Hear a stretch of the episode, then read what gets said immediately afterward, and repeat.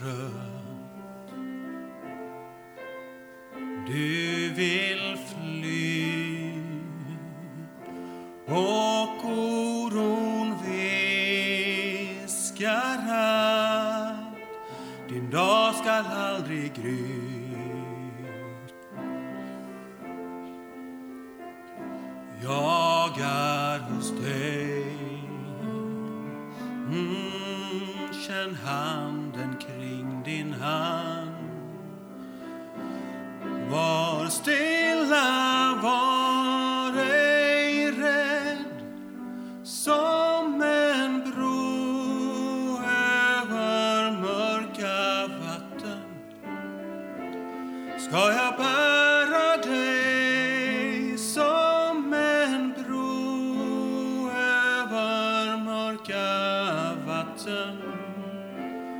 ska jag bära dig?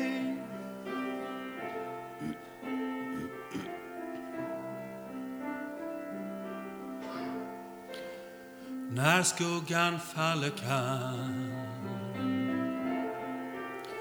där du går fram. När fågeln inte längre syns. land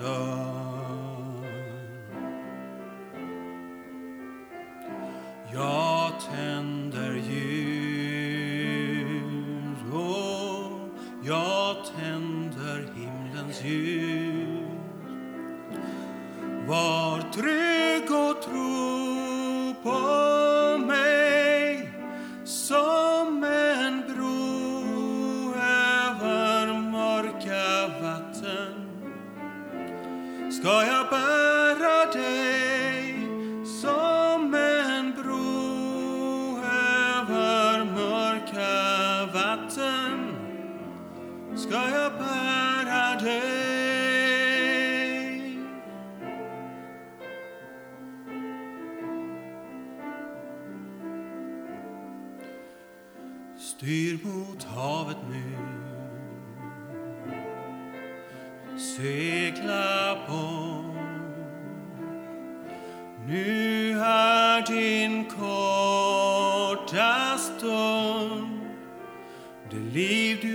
väntat bo.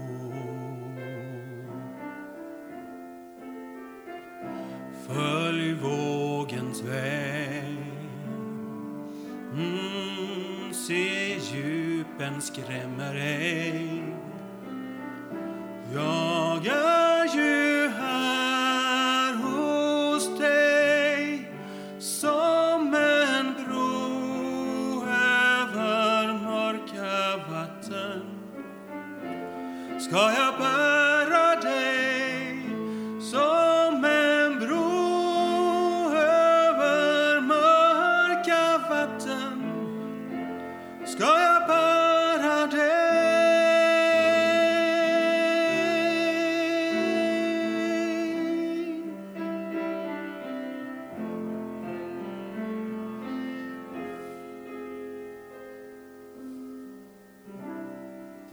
för den inledande sången, Fredrik. Välkommen in ifrån blåsten och välkommen att fira gudstjänst här i Olivehällskyrkan idag.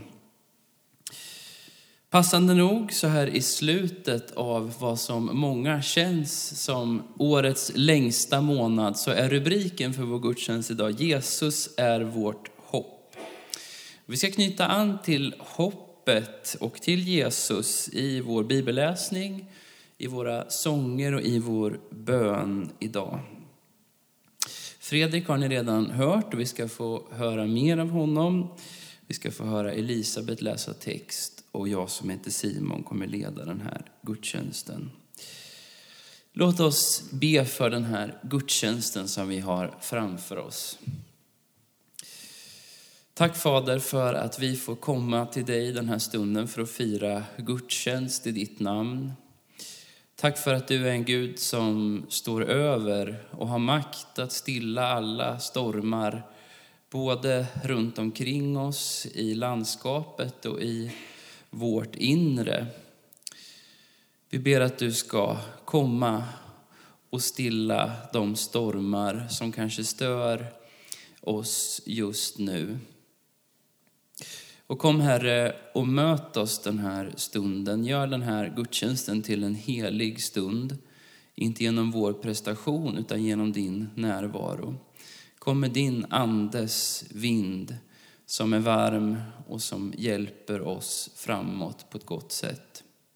Så att vi kan få ta emot någonting gott idag ur ditt ord och i bönen och i sången och i gemenskapen. Vi ber så och vi samlas i Faderns och Sonens och den heliga Andens namn. Amen.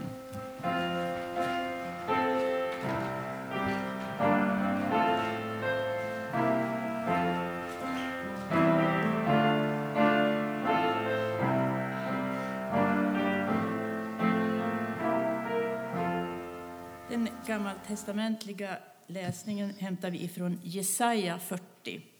Lyft blicken mot skyn och se. Vem har skapat allt detta?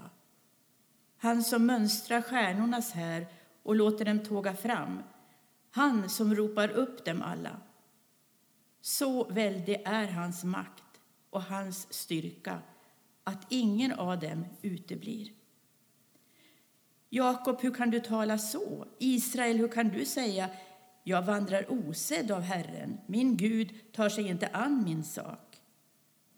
Har du inte förstått, inte hört? Herren är en evig Gud. Han har skapat hela jorden. Han blir inte trött, han mattas inte. Ingen pejlar djupet av hans vishet. Han ger den trötte kraft den svage får ny styrka. Unga män kan bli trötta och mattas, ynglingar snava och falla. Men de som litar till Herren får ny kraft. De får vingar som örnar. De springer utan att bli trötta, vandrar utan att mattas.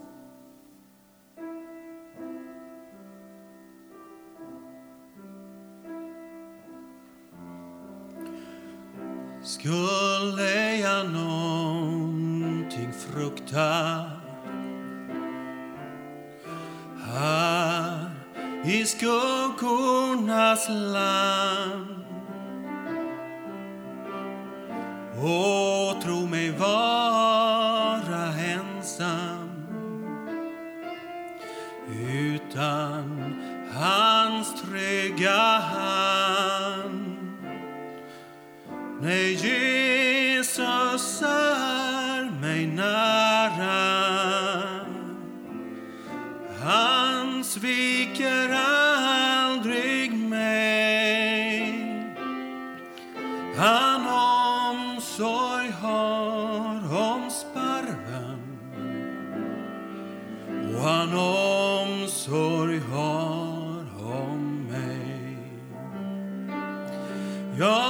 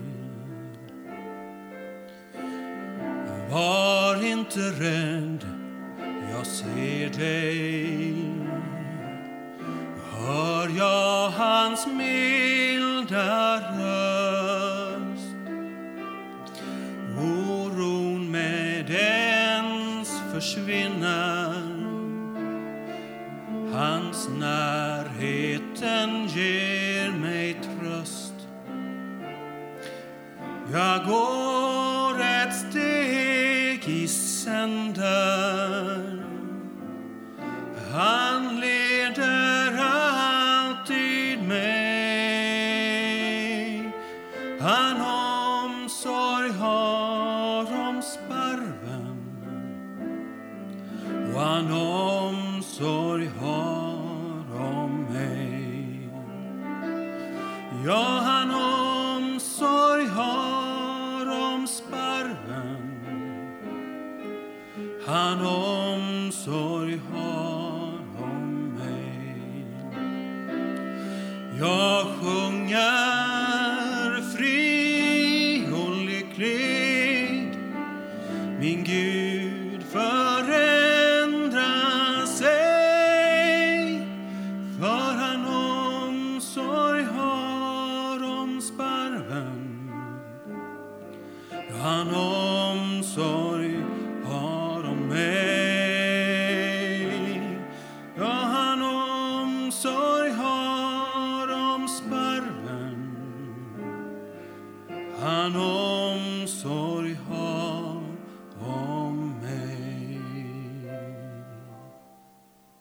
Läser vi evangelietexten som är från Johannes evangeliet.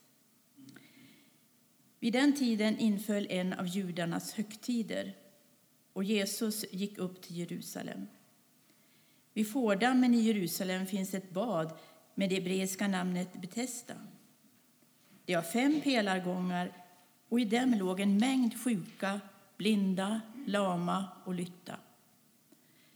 Där fanns en man som hade varit sjuk i 38 år. Då Jesus såg honom ligga där och fick veta att han hade varit sjuk länge frågade han honom Vill du bli frisk?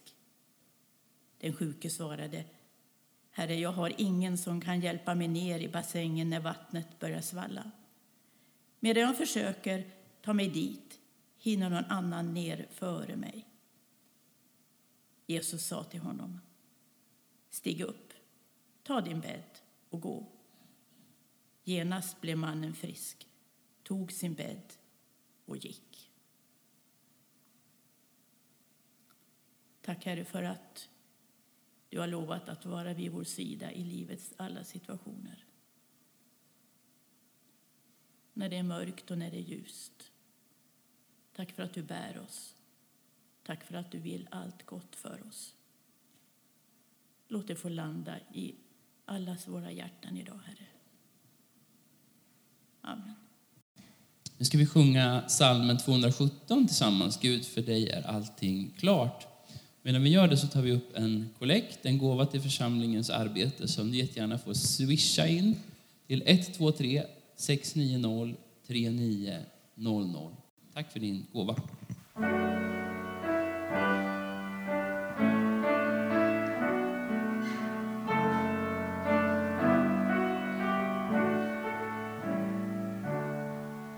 Låt oss be för det vi har samlat in.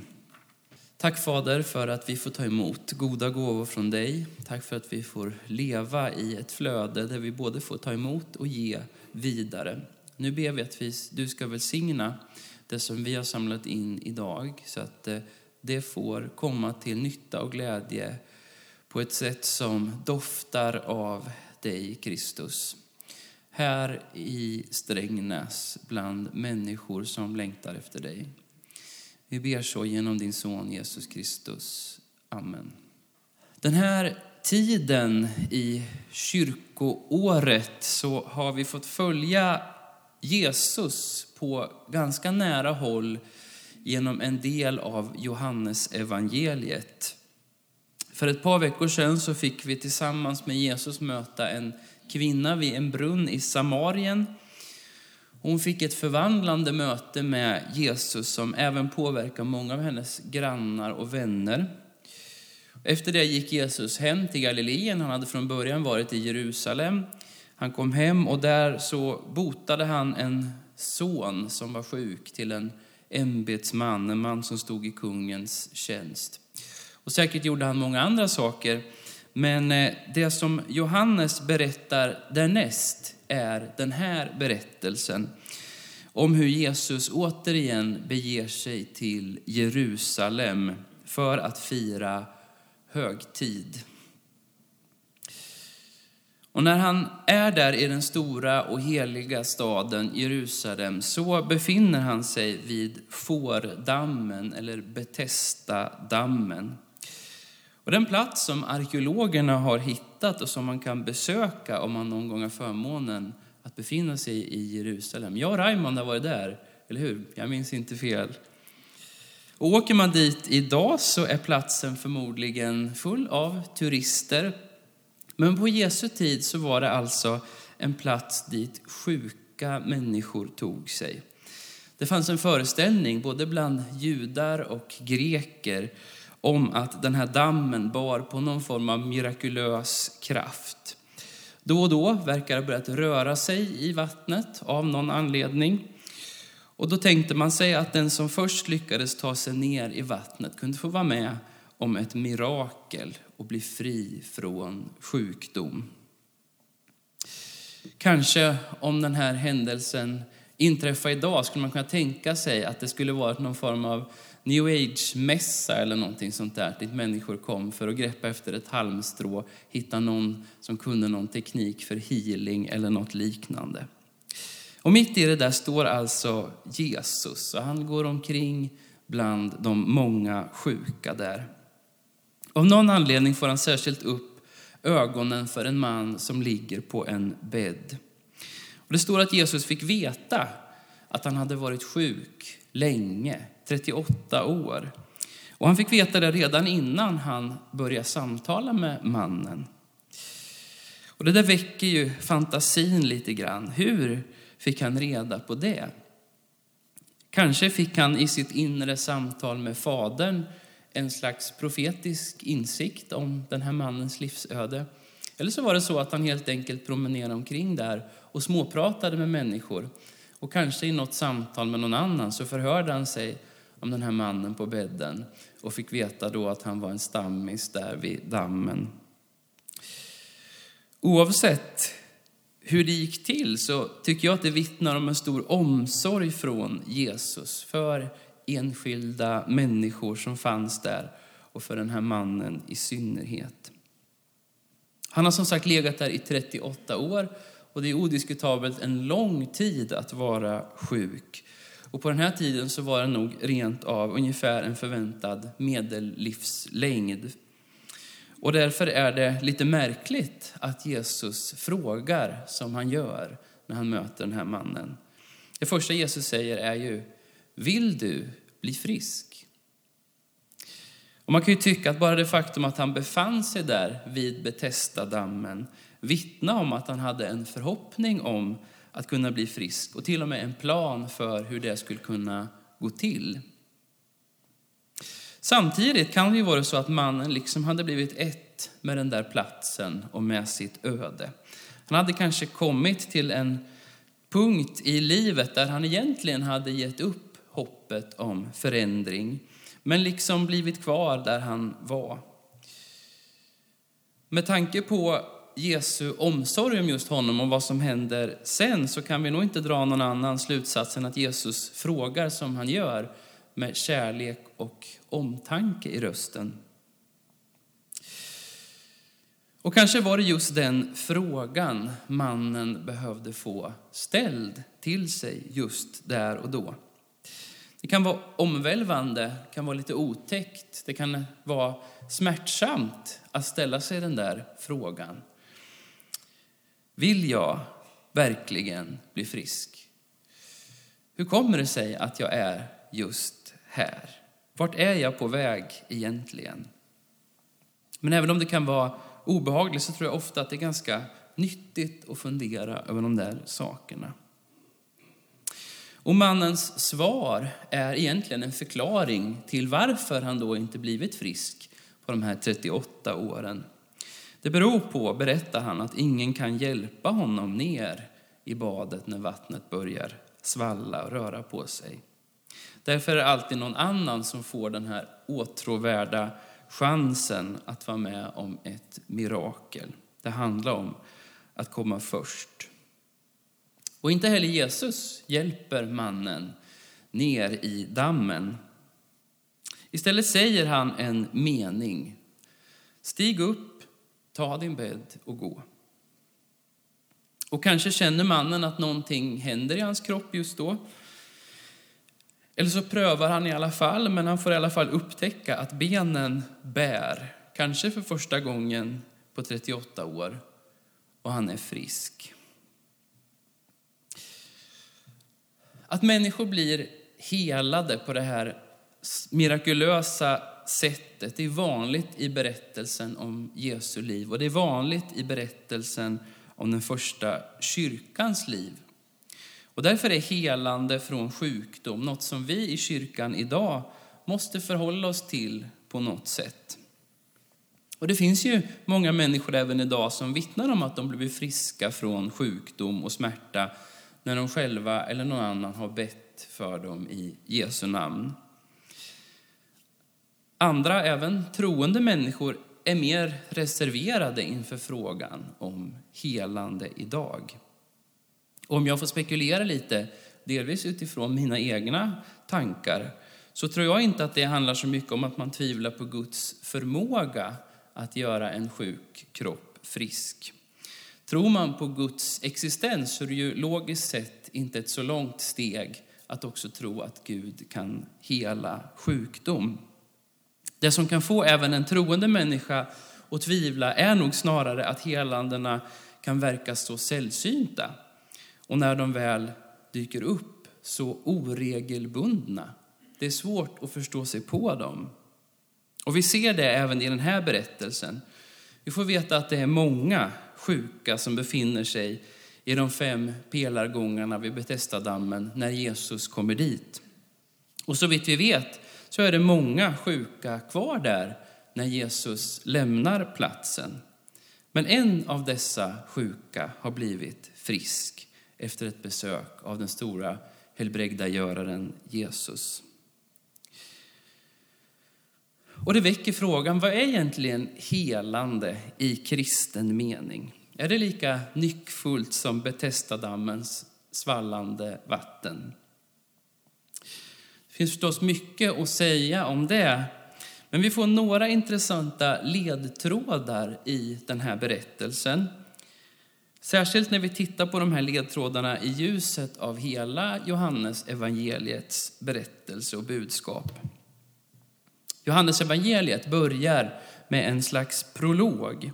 En storslagen bild där Johannes berättar om ordet, Guds ord, som fanns med vid jordens skapelse och som skapade allt. Och vi får veta att detta ord i själva verket är en person, nämligen den Jesus som Johannes vill få oss att tro på som Messias. Och när man läser de där orden om ordet som skapade allt, då kommer man lätt att tänka på skapelseberättelsen i första Mosebok kapitel 1. Där ju Gud skapar världen med sina ord. Gud säger ljus, bli till. Och så blir ljuset till. Att Jesus är Guds ord säger alltså något oerhört om hans relation till Fadern. Han inte bara förmedlar Guds ord, utan han är Guds ord. Och vi kan jämföra med våra ord. Våra ord är ju oerhört tätt sammankopplade med oss. Samtidigt något som liksom finns utanför oss själva, som finns självständigt. Om jag skulle säga något elakt eller stötande här nu till er, så skulle jag inte kunna försvara mig och säga nej, nej, nej, ni får inte bli arga på mig. Det var ju mina ord som gjorde er ledsna. Skyll på orden, inte på mig. Därför att det jag säger är ju en del av mig. Det kommer i mina tankar och mitt hjärta. Och ni hör mig tala därför att jag har valt att låta mina stämband och min mun röra sig på ett visst sätt. Samtidigt så är det ju väl magstarkt kanske att påstå att nu när mina ord kommer in i era öron så är jag i era öron. Utan ljudvågorna som rör vid era trumhinnor är på något sätt fristående från mig, även om de också är oerhört tätt sammankopplade med mig. Är ni med på den här bilden?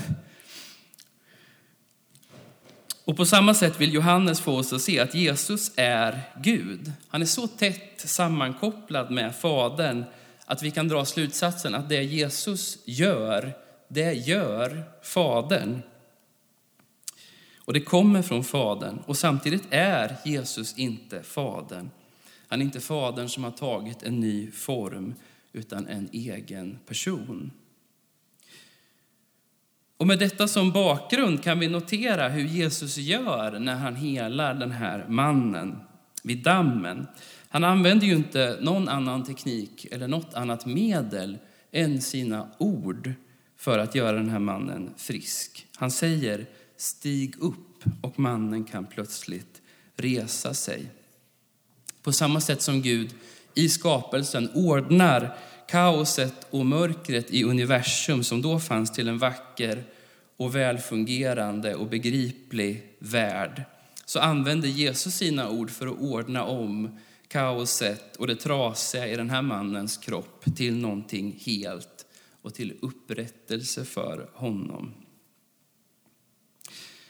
Helande och skapelse kopplas alltså samman i den här berättelsen. När Jesus helar någon, vare sig det är inom Bibelns pärmar eller i vår tid, så är det inte för att den som blir frisk har dragit vinstlotten i ett karismatiskt lotteri. Och det är inte heller så att personen har fått en belöning för en särskilt stor insats. Utan jag tror att när Jesus helar någon så är det en byggsten eller en, en försmak av den nyskapelse som Gud håller på med ända sedan Jesu dagar. En nyskapelse som inte bara rör vissa individer utan i slutändan rör hela skapelsen och alla människor.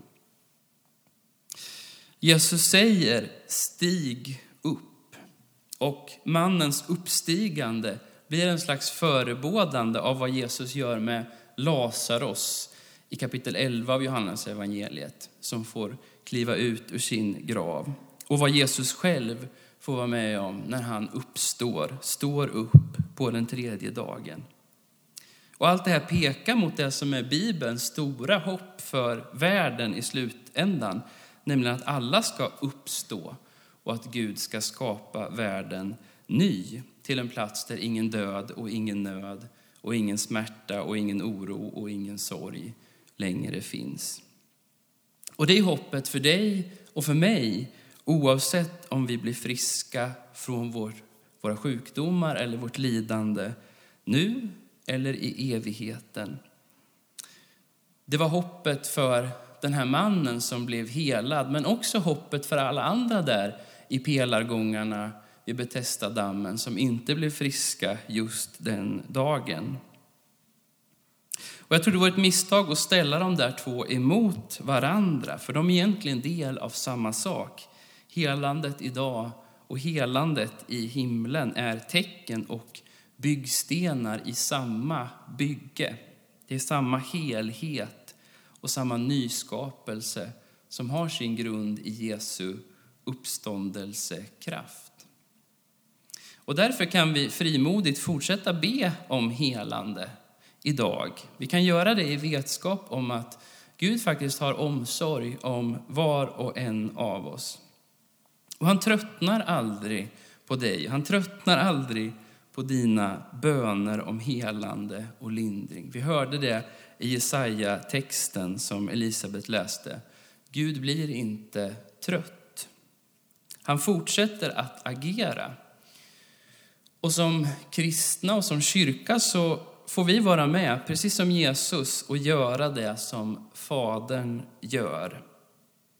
Det kan vara att vi får be för en människa som får bli frisk, som får vara med om ett omedelbart mirakel. Men det är alltid att vara med och bygga för en ny skapelse där Guds vilja sker på jorden så som i himlen. Och när vi ligger ner, som vi ju gör ibland i våra liv, tyngda av kroppslig eller själslig smärta, så är det min övertygelse att Gud aldrig missunnar någon sin uppståndelsekraft, vilket sätt han än må välja att använda den just när vi ber honom.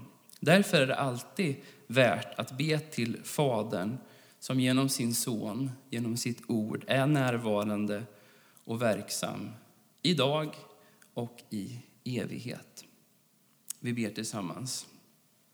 Tack Jesus Kristus för din omsorg, för din omsorg om, om sparven och om blomman på marken och din omsorg för var och en av oss.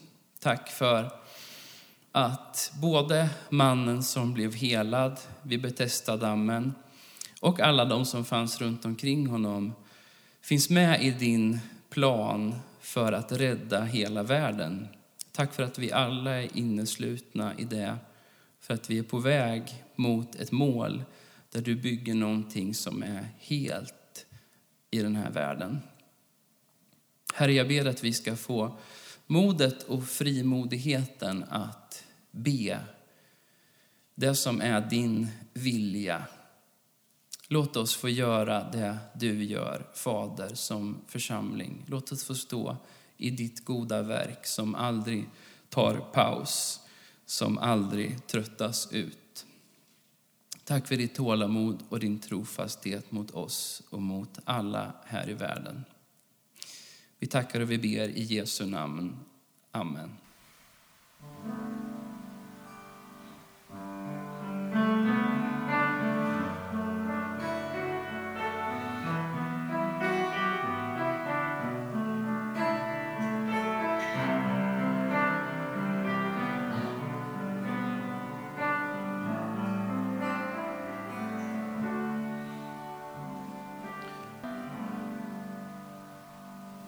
Tillsammans. Tack Herre för att vi får vara här just nu tillsammans inför dig och med dig. Tack för att du vill vara nära oss. Tack för att du har hört våra böner, för att du hör vår bön nu. Tack för att du ser våra djupaste behov, Herre. Och jag ber att du ska möta oss just där i det som är våra djupaste behov. Tack för att du kommer till oss som en soluppgång för de som är i mörkret och i dödens skugga. Jag ber att du ska komma med helande kraft, Herre, till den som behöver det. Jag ber att du ska komma med tröst till den som behöver det. Jag ber att du ska komma med hopp till den som behöver det. Och jag ber att du ska komma med frid till den som behöver det. Tack Herre för att du har skapat hela världen med dina ord och tack för att du skapar världen på nytt. Tack för att vi får leva i det hoppet, Herre. Och jag ber att vi alla ska få känna försmaken av den uppståndelse som hela världen är på väg emot i sina liv just i den här tiden. Jag ber för Strängnäs, Herre. Jag vill be för dem som bor här runt omkring vår kyrka och som bor i kommunen. Jag ber att den här platsen ska få präglas av din närvaro, av din kärlek, av din frid och fred, Herre. Jag ber för de eh, politiker och institutioner som på olika sätt styr och påverkar vår vardag här. Välsigna dem och låt dem få leda efter din tanke, Herre, och ditt syfte. Ber så också för världens ledare, Herre. Och den här veckan vill jag särskilt be för situationen i mellan väst och öst som är som hetast då i Ukraina. Jag ber Herre om eh, fred och försoning och en anda av ömsesidig välvilja mellan alla parter i den konflikten. Jag ber också för de som har drabbats av den här stormen i natt. De som kanske har skadats eller fått egendom skadad eller som känner sig oroliga. Kom med lindring och tröst till dem. Välsigna oss i det som ligger framför den här veckan, Herre. I Jesu namn. Amen. Och be gärna med mig i den bön som Jesus själv lärt oss. Vår Fader, du som är i himlen. Låt ditt namn bli helgat. Låt ditt rike komma. Låt din vilja ske på jorden så som i himlen. Ge oss idag det bröd vi behöver och förlåt oss våra skulder liksom vi har förlåtit dem som står i skuld till oss. Och utsätt oss inte för prövning utan rädda oss från det onda. Ditt är riket, din är makten och äran i evighet. Amen.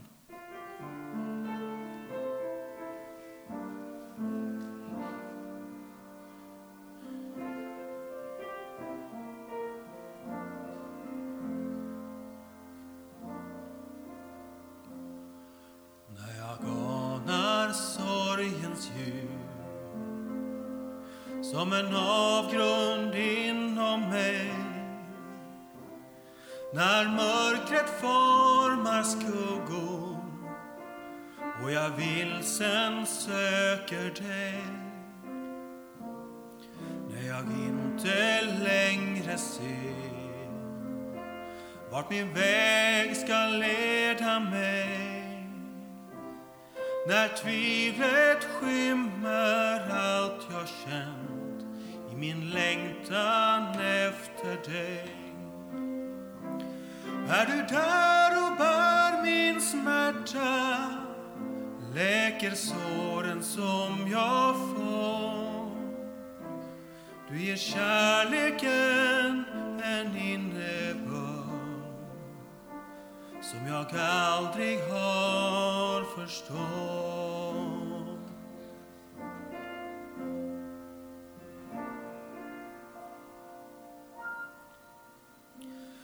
Jag rusar från mig själv. I en längtan att bli fri. När jag önskar att jag kunde se vad som skrämmer inuti. När din kärlek når min själ och du stillar mig till ro ser jag värmen i ditt leende sprida ljus där sorgen bor du är där och bär min smärta läker såren som jag får. Du är kärleken en innebörd som jag aldrig har förstått. Där och bär min smärta, läker såren som jag fått. Du är kärleken en innebörd som jag aldrig har förstått.